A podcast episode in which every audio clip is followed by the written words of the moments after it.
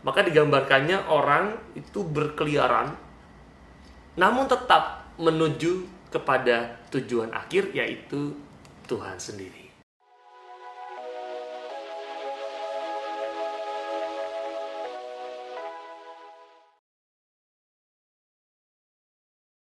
Halo, saya Romo Gandhi, kita ketemu lagi dalam cerita Mogan. Pembahasan kali ini kita akan membahas tentang tingkatan dosa dalam gereja Katolik. Karena apa pembahasan kali ini menjadi menarik? Karena ada beberapa orang yang melihat bahwa dosa itu sama saja. Mau dosa apa pun sama, mau aborsi, mau mencuri, mencuri dengan jumlah yang besar mau yang cuma 1000 2000 atau 20 T atau 22 M sama saja lalu bagaimana kita melihat itu apakah ada tingkatan dosa dalam gereja katolik? Sebenarnya ada. Maka pembahasan kali ini itu membahas tentang tingkatan itu. Ada berapa tingkatan? Ada berapa dosa dalam gereja katolik menurut tingkatannya? Ada dua. Yang pertama kita sebut sebagai dosa berat dan yang kedua yaitu dosa ringan. Kita akan mulai pembahasan kali ini tentang dosa berat dalam katekismus gereja Katolik itu menuliskan dalam KGK 1855 dikatakan seperti ini.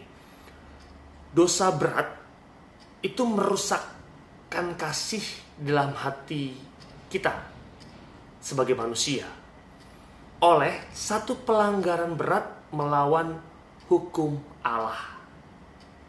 Di dalamnya, manusia itu mencoba memalingkan diri dari Allah, tujuan akhir dan juga kebahagiaannya, dan menggantikannya dengan sesuatu yang lebih rendah, menggantikan yang tinggi dengan sesuatu yang lebih rendah.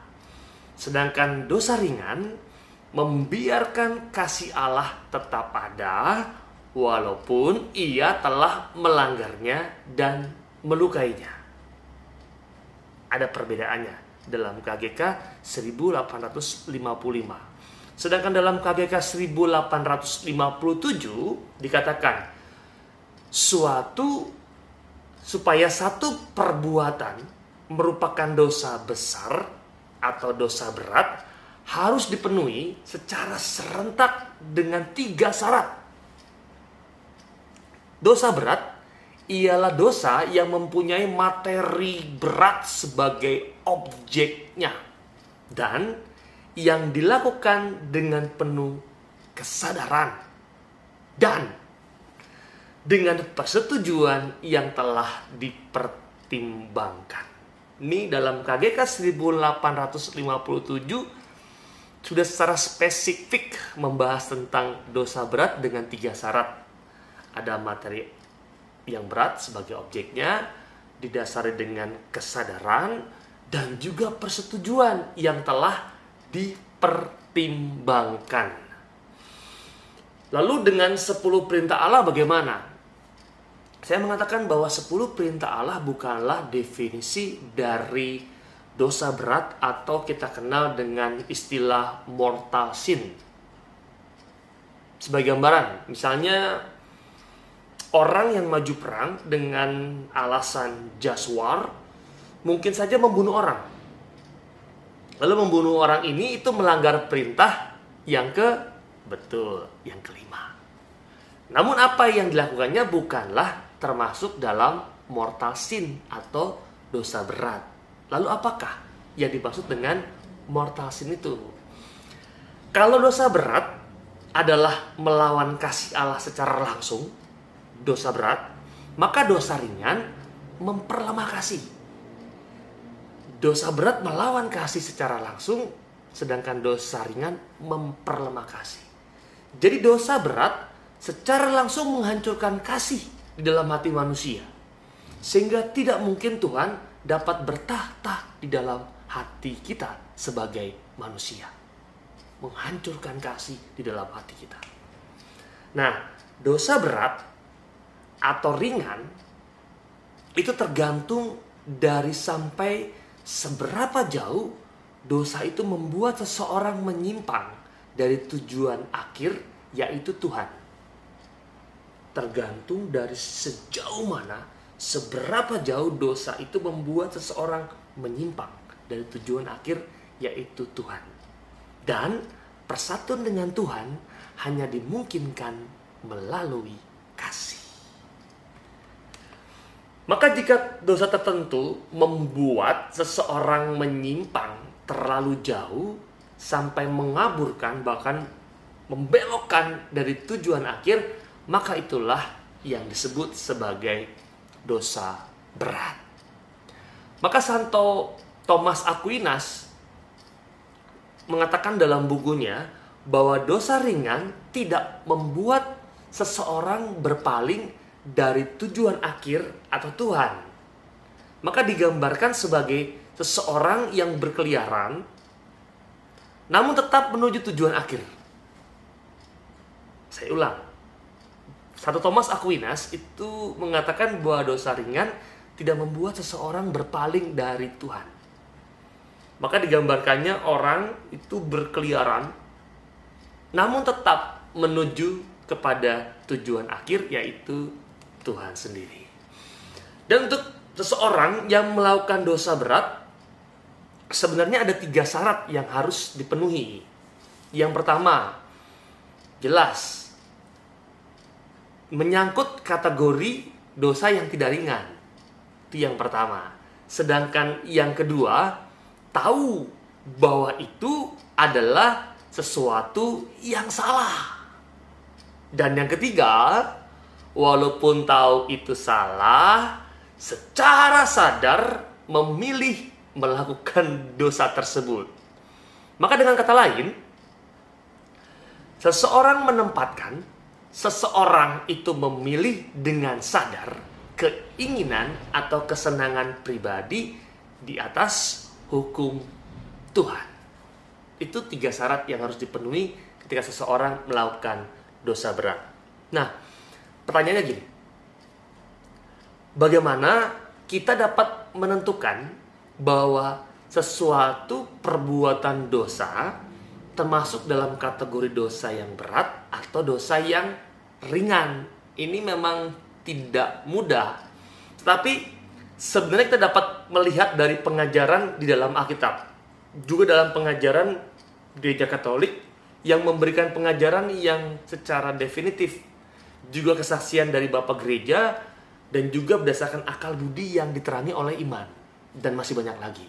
Maka hal lain yang bisa menjadi parameter adalah dengan melihat tiga hal untuk menentukan bahwa satu perbuatan secara moral atau tidak yaitu apa saja. Nah, yang pertama adalah kita membahas dalam objek moralnya